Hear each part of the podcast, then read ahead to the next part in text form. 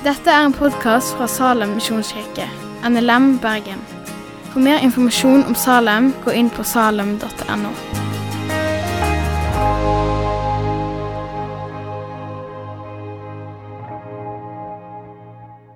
Hallo og god søndag, alle sammen. Vi skal avslutte taleserien som heter 'Vitne'. Dere som har vært her i Salem i, i høst, um, dere vet at vi har snakka om disse vitne og disse fem bokstavene der vi har satt ordet 'vitne', og der hver bokstav har fått bety noe. Der vi snakker først om å være i Jesus og i det kristne fellesskapet, og hvordan det hjelper oss til å bære frukt. Og hvordan vi er i bønn, eh, der vi ber for konkrete mennesker du har i din krets, og ber om muligheter til å tjene. Og T-en står for å tjene. Og det er å prøve å tenke finnes det noen måter jeg kan tjene min neste på.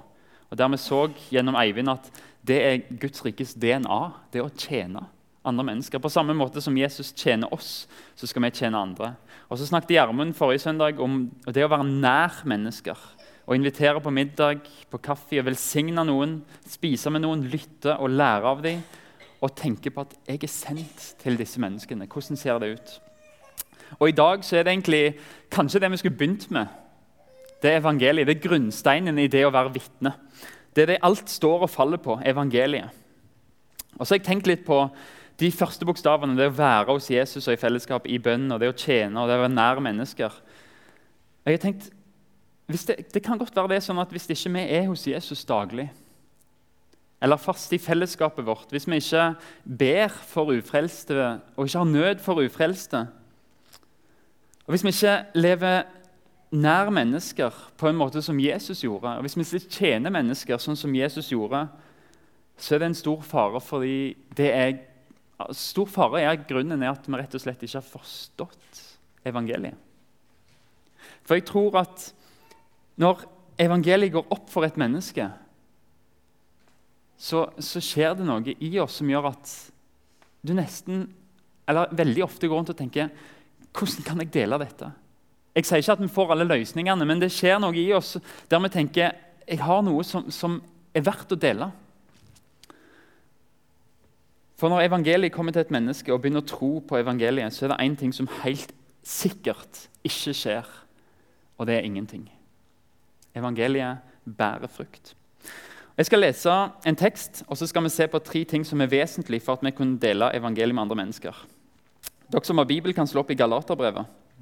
Jeg talte over denne teksten i går òg, der vi starta å gå gjennom Galaterbrevet. Og Neste søndag så starter vi å gå gjennom Efeserbrevet på søndager og skal følge Efeserbrevet på søndager og Galaterbrevet på lørdager. Når jeg taler over Galaterbrevet og Efeserbrevet, så kommer jeg ikke til å ha tekst på storskjerm. Dere skal få lov til å ta med dere biblene sjøl og sitte med penn og blyant og følge med der. Så det kommer til å være en obs, obs. Det kommer ikke tekst på storskjerm. Eh, ikke i dag og ikke når jeg kommer til å tale over Feserbrevet. Det handler ikke om at vi ikke ønsker at alle skal få se, men finn fram telefonen, finn fram biblene, ta de med, eh, og følg med på tekstene.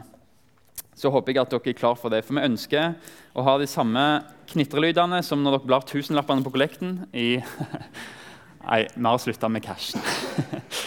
men vi ønsker å høre biblene bli bladd i. Og vi tror at det kan hjelpe oss òg til å kanskje på kirkekaffen bla fram et vers som du tenkte litt på, og tenke hva tenker dere om dette. La oss bli flinkere til å bruke fysisk ordet. Vi leser fra Galaterbrevet 1, vers 6 og til 20, 15, ja, 16. 16. Paulus skriver det undrer meg at dere så raskt vender dere bort fra Han som har kalt dere ved Kristi nåde, og til et annet evangelium. Men det finnes ikke noe annet det er bare noen som forvirrer dere og vil forvrenge Kristi evangelium. Men om vi selv, ja, om en engel fra himmelen skulle forkynne dere et annet evangelium enn det vi forkynte dere, forbannet være han. Vi har sagt det før, og jeg gjentar det nå. Hvis noen forkynner dere et annet evangelium enn det, har, enn det dere har mottatt, forbannet være han. Prøver jeg nå å bli anerkjent av mennesker eller av Gud? Vil jeg bare være mennesker til lags? Var det fremdeles mennesker jeg ville være til laks, da var jeg ikke, ikke Kristi tjener. For jeg kunngjør for dere søsken. Det evangeliet jeg har forsynt, er ikke menneskeverk. Jeg har heller ikke mottatt det eller lært av noen mennesker. Nei, det var Jesus Kristus som åpenbarte seg for meg. Dere har jo hørt hvordan jeg tidligere for fram som jøde, hvor voldsomt jeg forfulgte Guds kirke og forfulgte utrydde den. forsøkte å utrydde den. Jeg gikk lenger i min jødedom enn mange jevnaldrende i mitt folk og brant enda sterkere iver for overleveringene fra fedrene. Men Gud, som utvalgte meg allerede i mors liv og kalte meg ved sin nåde, besluttet i sin godhet å åpenbare sin sønn for meg, for at jeg skulle forkynne evangeliet om han for folkeslagene. Ut fra den teksten her så vil jeg peke på tre ting i det å være vitne og i det å dele evangeliet med andre mennesker. For det første, evangeliet er Guds evangelie, ikke menneskers evangelie. For det andre, Gud jobber i mennesker før du forteller dem evangeliet. Og for det tredje, du kan være evangeliet for noen andre. Det er de tre tingene vi skal se på.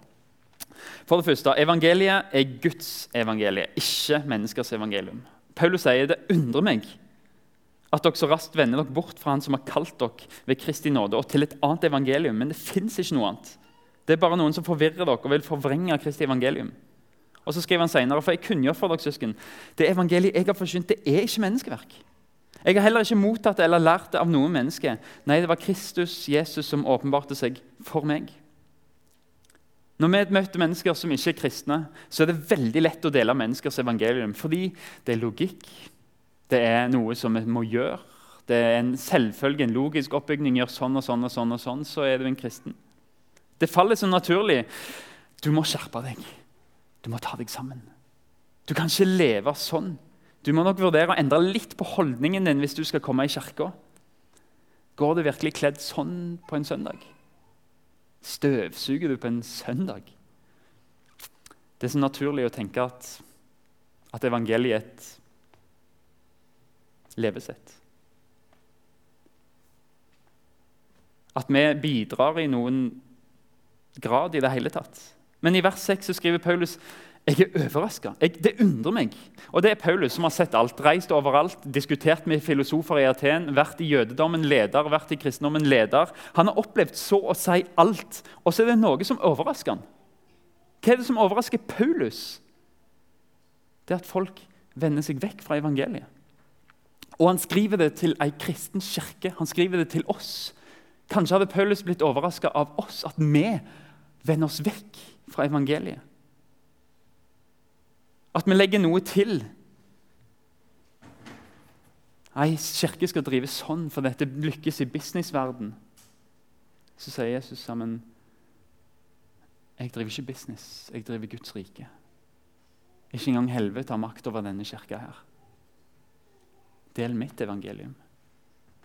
Det er så lett, dette med menneskers evangelium. Vi vil fikse oss sjøl. Vi vil legge noe til. Det ligger så intuitivt for oss. Det er en veldig enkel grøft å gå i fordi jeg er født i den grøfta. Vi vil så gjerne bidra, og det gjør så veldig lett at vi misforstår Jesus. Ja, jeg skal skjerpe meg. Ja, jeg ser at jeg ikke kan bli møtt av Jesus før jeg endrer noe i livet mitt. Og vi har en tendens til å gjøre evangeliet til noe helt annet enn det det er. Og Derfor er det nyttig å tenke hva er egentlig evangeliet? Fordi ikke alt Bibelen lærer oss, er evangeliet.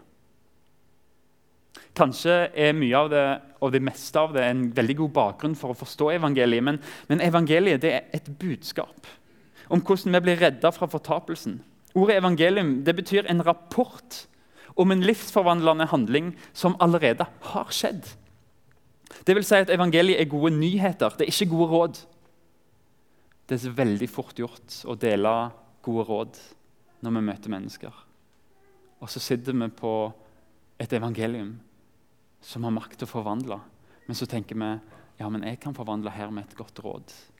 Og så hopper vi over den største forvandlingen som Gud kan gi mennesker. Evangeliet er gode nyheter, det er ikke gode råd.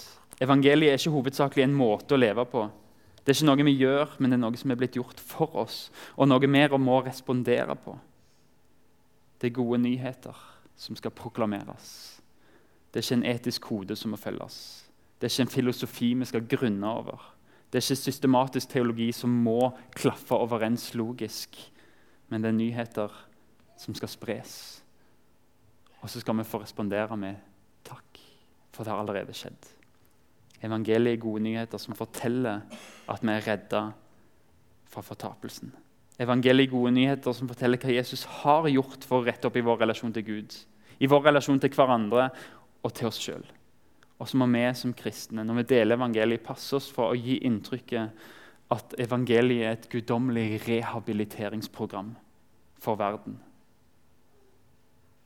Når vi har noe som er mye bedre, som er fullført, og som er gitt oss, og som er en skatt som er uforgjengelig, som ikke kan råtne, ikke kan forgå, og som ligger klar for oss i himmelen.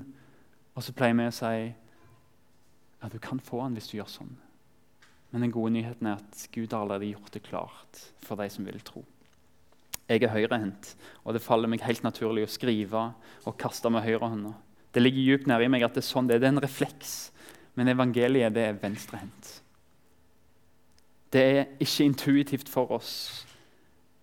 Tvil, skepsis og vantro det er så naturlig for meg. Det er lett å være skeptisk, det er lett å tvile, det er lett å være vantro. Det er min høyre hånd. Men derfor føler jeg meg hele tida som nybegynner. Derfor er vi alle sammen hele tida nybegynnere i evangeliet. Der vi må se at åh, det gjelder ikke vår refleks med høyrehånda, som kommer for å assistere Gud. Vi vil så gjerne gjøre det, men frelsen er allerede klar. Gud griper inn i våre liv og gjør det helt alene, bare av nåde ved tro. Det må jeg hele tida vende tilbake til. Jeg må hele tiden høre det, jeg må hele tiden lese det, jeg må være i Bibelen, og det må åpenbares for meg, for jeg kan ikke tro det naturlig. Og Derfor har vi i Salem en vanvittig stor tro på bibelgrupper og på medvandring. Fordi vi trenger hjelp til å se dette unaturlige. Vi trenger en gruppe menn eller kvinner som sammen kan se på ja, men Du glemmer Kristian, at det er evangeliet. Du glemmer at du har fått dette. Du prøver å gjøre noe nå for å fortjene det, men, men du ser ikke det at det, det egentlig så kan du få gjøre det som en frukt av det Gud allerede har gjort. Vi trenger de små gruppene der vi ikke bare sitter på en stol, men der vi får sammen reflektere over det. Derfor tror vi smågrupper og medvandring hjelper oss til å se evangeliet bedre. Evangeliet er Guds evangelie, det er ikke menneskers evangelie. Vær nøye med hva evangeliet du deler. Et rehabiliteringsprogram det forandrer ikke mennesker. Men nyhetene i evangeliet det kan forandre og gi trygghet. Punkt nummer to. Gud jobber i mennesket før du forteller i evangeliet. Jeg har lyst til at dette punktet skal gi dere tillit til at kanskje er det ikke så mye som står på meg når jeg har ikke-kristne venner som jeg skal dele troen min med. Hør Paulus fortelle hva som virker i troen. Paulus skriver dere har jo hørt hvordan jeg tidligere for fram som jøde. Hvor voldsomt jeg forfulgte Guds kirke og forsøkte å utrydde den. Jeg gikk lenger i min jødedom enn mange jevnaldrende i mitt folk og brant enda sterkere av iver for overleveringen fra fedrene. Det er en Paulus som prøver å tilfredsstille kulturen. Jødene som sa sånn og sånn og sånn skal du leve for å være en god jøde, for å være en god borger. Vi har noen samme ting i Norge. Sånn og sånn og sånn og sånn må du være. De rette holdningene må du ha. Ikke være politisk ukorrekt, ikke være etisk ukorrekt. Sånn, sånn, sånn må du gjøre. Du bør tjene så og så mye, du bør ha en familie som er vellykka. Du bør sånn og sånn. Og vi har disse tingene i kulturen vår som sier en vellykka person er sånn. En som ikke er så vellykka, er sånn. Men det holder ikke. Paulus prøvde, prøvde og prøvde. Men han traff noe enda viktigere. Han traff noe som forvandla han enda mer. Men Gud, som utvalgte meg allerede i mors liv og kalte meg ved sin nåde, beslutta i sin godhet å åpenbare sin sønn for meg for at jeg skulle forkynne evangeliet om ham for folkeslagene. Paulus ødela, Paulus arresterte, drepte, brøyt ned. Men det hindra ikke Gud i å skape noe nytt i ham. Han, Paulus visste allerede mye om Jesus og bevegelsen hans, men når Gud griper inn og river slør av øynene, så ser Paulus plutselig at Jesus er ikke bare en mann, han er ikke en sjarlatan, men han er Guds sønn, verdens frelser. Og så forstår han betydningen av at Jesus døde på korset for meg. Paulus hadde ikke gått i noen kirke for å lære det. Det var Gud som utvalgte han. Allerede før Paulus skjerpa seg fordi han gjorde det han født, før han var født. Mens Paulus forfulgte mennesker, så hadde Gud utvalgt ham. Og mens Paulus arresterte og drepte folk, så kalte Gud ham. Ser du at livsstilen til Paulus ikke hindra Gud i å gripe inn? Kanskje tenker du at du har mennesker i ditt liv som, som du tenker de er så langt vekke fra Gud. Kan det være at Gud allerede jobber i? Kan det være at Gud jobber i mennesker som du tenker de lever så langt ifra kristendommen? Paulus gjorde også det. Paulus forfulgte de kristne. Men kan det være at Gud har utvalgt dem? Plukk de ut og sagt 'Denne naboen din, jeg elsker han. Jeg har utvalgt han. Jeg driver på å kalle han. Vil du bare dele det med han? Ser du ikke at Gud utvalgte Paulus før han ble født? At Gud kalte Paulus før han ble kristen? Og at før Paulus gjorde noe som helst, beslutta Gud i sin godhet å åpenbare Jesus for Paulus. Det er først da Paulus begynner å tro. Først da ser han jeg er jo utvalgt, jeg er jo kalt. Gud er god, han har vært det hele tida. Gud planla det før Paulus skjerpa seg. Det er Guds initiativ. Gud fant han. Og jeg tror vi alle sammen har folk i vår bekjentskapskrets der Gud jobber i dem. Vi ser det ikke. De ser det ikke sjøl heller. Men Guds godhet arbeider i mennesker. Herrens herlighet fyller jorda. Guds godhet holder mennesker oppe. Kanskje ser de det ikke ennå. Og kanskje er vår oppgave å bare dele evangeliet. Og fortelle de nyheten om en som er død for oss. Ikke alle de gode råd vi har, men bare si vet du hva, jeg har en identitet som gjør at jeg er trygg. Jeg tror du kan slappe av for alt det kulturjaget. Jeg tror Gud elsker deg. Det er mye viktigere enn hva du får til i livet. Jeg tror du sliter med denne relasjonen fordi du ikke erfarer at du er tilgitt.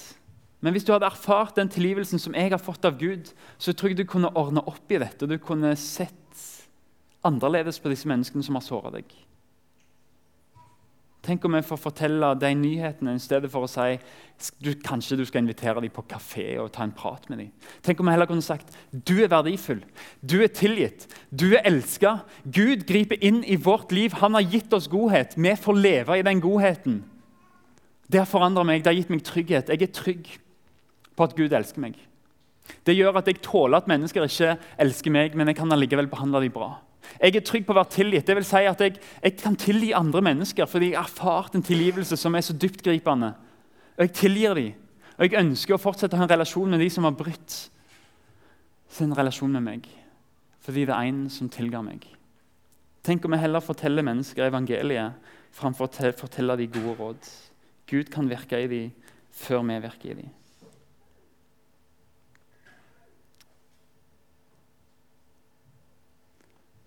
Paulus viser oss at Gud jobber hos menneskene. Til og med hos de vi tror er helt håpløse. Før vi forkynner evangeliet til mennesker, så kan Gud jobbe i dem. Hvem er du? Hvem er jeg? Til å holde evangeliet vekke fra noen. Gud er den som drar dem. Og vi har ett oppdrag. Gå ut og lær dem alt jeg har fortalt dere. Han sier ikke 'gå ut og vær psykologer' gå ut og være terapeuter. Så sier, gå ut og lærer dem alt jeg har fortalt dere. Hva er det Gud har fortalt deg? Til meg så har han fortalt Kristian Det betyr ikke så mange Det betyr egentlig ingenting hvor mange som kommer i Salem fordi jeg elsker deg. Hvor mange du greier å samle på en søndag, det har ingenting å si for min kjærlighet til deg. Kristian. Kristian, hvor mange som blir frelst på alfakurs, det er min oppgave. Din oppgave er å bare være hos meg. Jeg elsker deg, jeg vil være med deg. Om du bærer frukt, Kristian, det er opp til meg. Men denne jobben her hadde jeg aldri greid uten at Gud sier til meg Kristian, dette er mitt folk, dette er min kirke. Du skal være hos meg, du. Jeg elsker deg. Du er verdifull uansett resultat. Jeg vil ha deg på mitt lag uansett.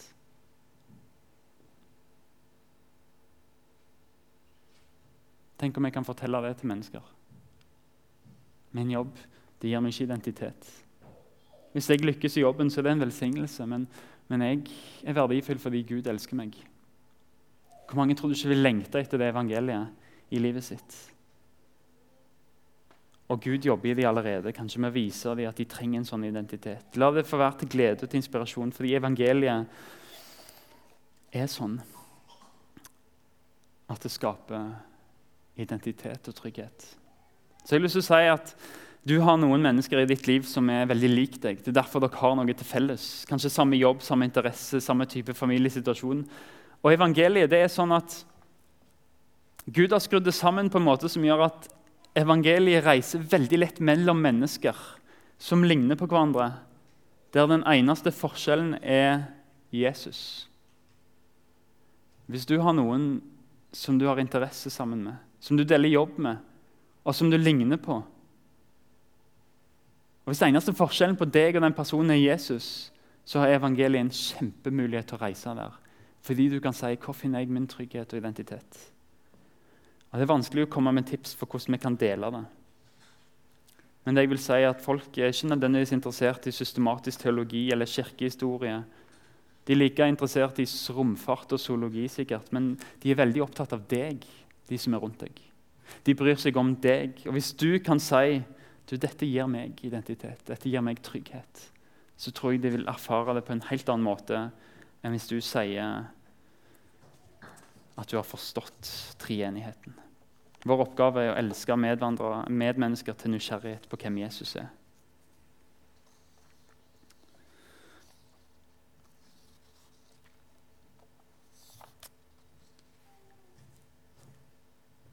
evangeliet kan jobbe hos mennesker før du forteller dem. Ha tillit til Gud. Det siste punktet er at du kan være evangeliet. Du kan være evangeliet. Paulus sier jeg har ikke mottatt eller lært av noen mennesker. Det var Jesus som åpenbarte seg for meg. Det var Paulus sier her er at jeg, jeg fikk ikke troen fra mine foreldre. Men dette var Jesus åpenbarte meg. Han viser seg at troen er noe som Gud må gi deg. Det er du som, du som må tro. Du kan ikke leve på arv i Guds rike. Du kan ikke leve som en kristen fordi mor og far var kristen. Du må sjøl erfare Jesus. Og Vi kan tenke oss at Paulus går videre for å forklare hvordan tar vi imot troen. da? Hvordan gjør jeg det individuelt? Men Paulus gjør ikke det. I stedet så forteller Paulus sin historie. For å skape tillit hos Gud hos Galaterne så sier han se hva Gud gjorde med meg. Paulus begynner ikke på en lang systematisk utlegning, men han sier se hva Gud gjorde med meg. Hvis jeg blir frelst, så kan jammen dere òg bli frelst. Det var meninga med den teksten. At Galaterne skulle tenke han grep Kristus inn hos han. Da kan Jesus gjøre det hos meg òg. Paulus kom ikke med argumenter, men med et vitnesbyrd. Sånn var jeg før Jesus kom inn i livet mitt. Så kom Jesus inn i livet mitt. Nå er jeg sånn. Det er evangeliet forklart med et eksempel. Og Når vi ser evangeliet virke i en person, så vekkes troen i oss på at Gud kan gjøre det samme. Og de lovpriste Gud på grunn av meg, skriver Paulus litt seinere. Det er det som vi godtar at ok, det er venstrehendt, dette evangeliet. Kanskje kan det gjelde meg òg. Du kan være evangeliet. Paulus kom med et bud, kom med nyhetene, men kledde det i en form av at han var budskapet. Se hva som har skjedd med meg. Det er det vi skal få fortelle mennesker rundt oss. Se hva som har skjedd med meg. Ordet ble menneske og tok bolig blant oss, og vi så hans herlighet. En herlighet som den enbårne sønn har for sin far, full av nåde og sannhet. Ordet ble menneske.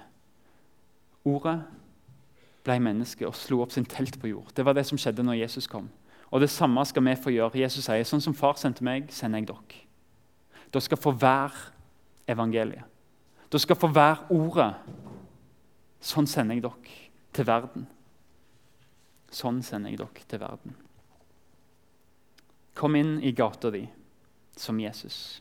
Ikke som, ikke som, en religiøs person eller lærer, men kom inn som Jesus, som kom med hverdagen, med krybba. Han kom med korset, han kom i fester, han kom i selskap. Han vandra rundt, han var til stede. Hadde det vært dugnad i ditt bofellesskap, så hadde Jesus vært der. Ikke for å gjøre Ikke for å rake løv, men for å elske mennesker. Og for å vise dem verdi. Gud var til stede i bryllupet i Kana. Han var hjemme hos skatteinnkreveren. Han var med de spedalske. Han var der ingen andre var. Tenk ordet som ble menneske. Hvordan kan evangeliet bli menneske gjennom deg, her og nå? Hvordan kan ordet bli menneske Hvordan kan evangeliet bli menneske? Hvordan kan du vise mennesker rundt deg hvordan evangeliet er? Sjenerøsitet, gjestfrihet, ærlighet, integritet, sannhet og nåde. Vær som Jesus, vær nær.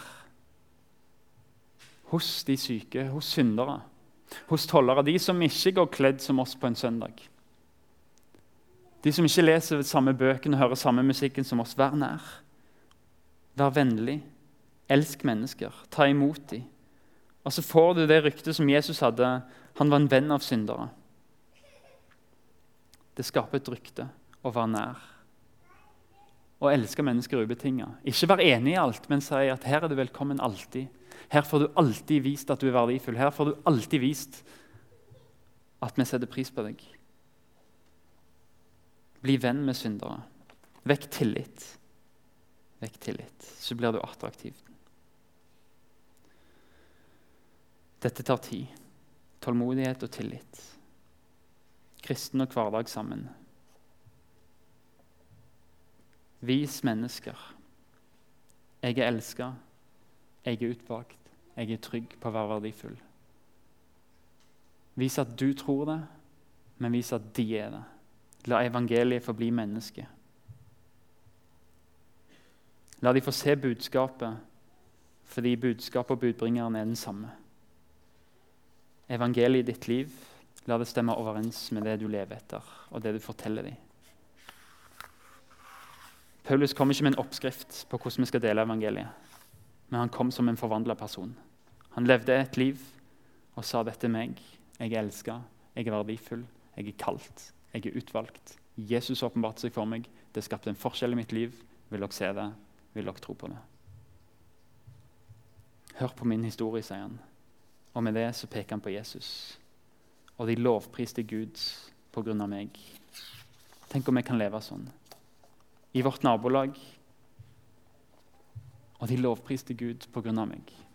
Tenk om Tyttebærbrekka på Straume kan få se meg og Jeanette og vi får være gjestfrie. Og vi får vise mennesker at jobben min gir meg ikke verdi. Gud gir meg verdi. Og vi kan vise mennesker at du, jeg elsker deg. Vi er veldig forskjellige, vi er veldig uenige. Men, men, jeg har fått en kjærlighet av Gud som gjør at jeg kan overse mye av feilene hos deg og hos meg, fordi Gud gjør det hos meg. Og vi kan si til samboerparet i svingen at velkommen. Vi er så glad i dere. Og vi kan få si til den ensomme dama som bor der Her har du fellesskap. Vi setter pris på deg. Dette er ikke realitet i det hele tatt. Vi har nettopp flytta. Men det er en drøm. Tenk om vi kan leve sånn at Tyttebærbrekka lovpriste Gud pga. oss. De lovpriser ikke oss, men fordi de ser noe hos oss, så lovpriser de Gud. Da har vi vist evangeliet. Herre Far, takk for ditt budskap til oss som er ferdig. Takk for din underfulle nåde, som frelste oss som er noen vrak. Vi var tapt, men du fant oss. Vi var blinde, men nå ser vi at vi er verdifulle og elska. Jesus, jeg ber om at vi kan leve som om det er sant, og vise andre mennesker at de er elska, at du leter etter de, og at du vil finne dem. Amen. Takk for at du har hørt på podkasten fra Salem, Bergen. I Salem vil vi vinne, bevare, utruste og sende, til Guds ære. Vi ønsker å se mennesker finne fellesskap, møte Jesus og bli disippelgjort her i Bergen og i resten av verden. Vil du vite mer om oss, gå inn på salem.no.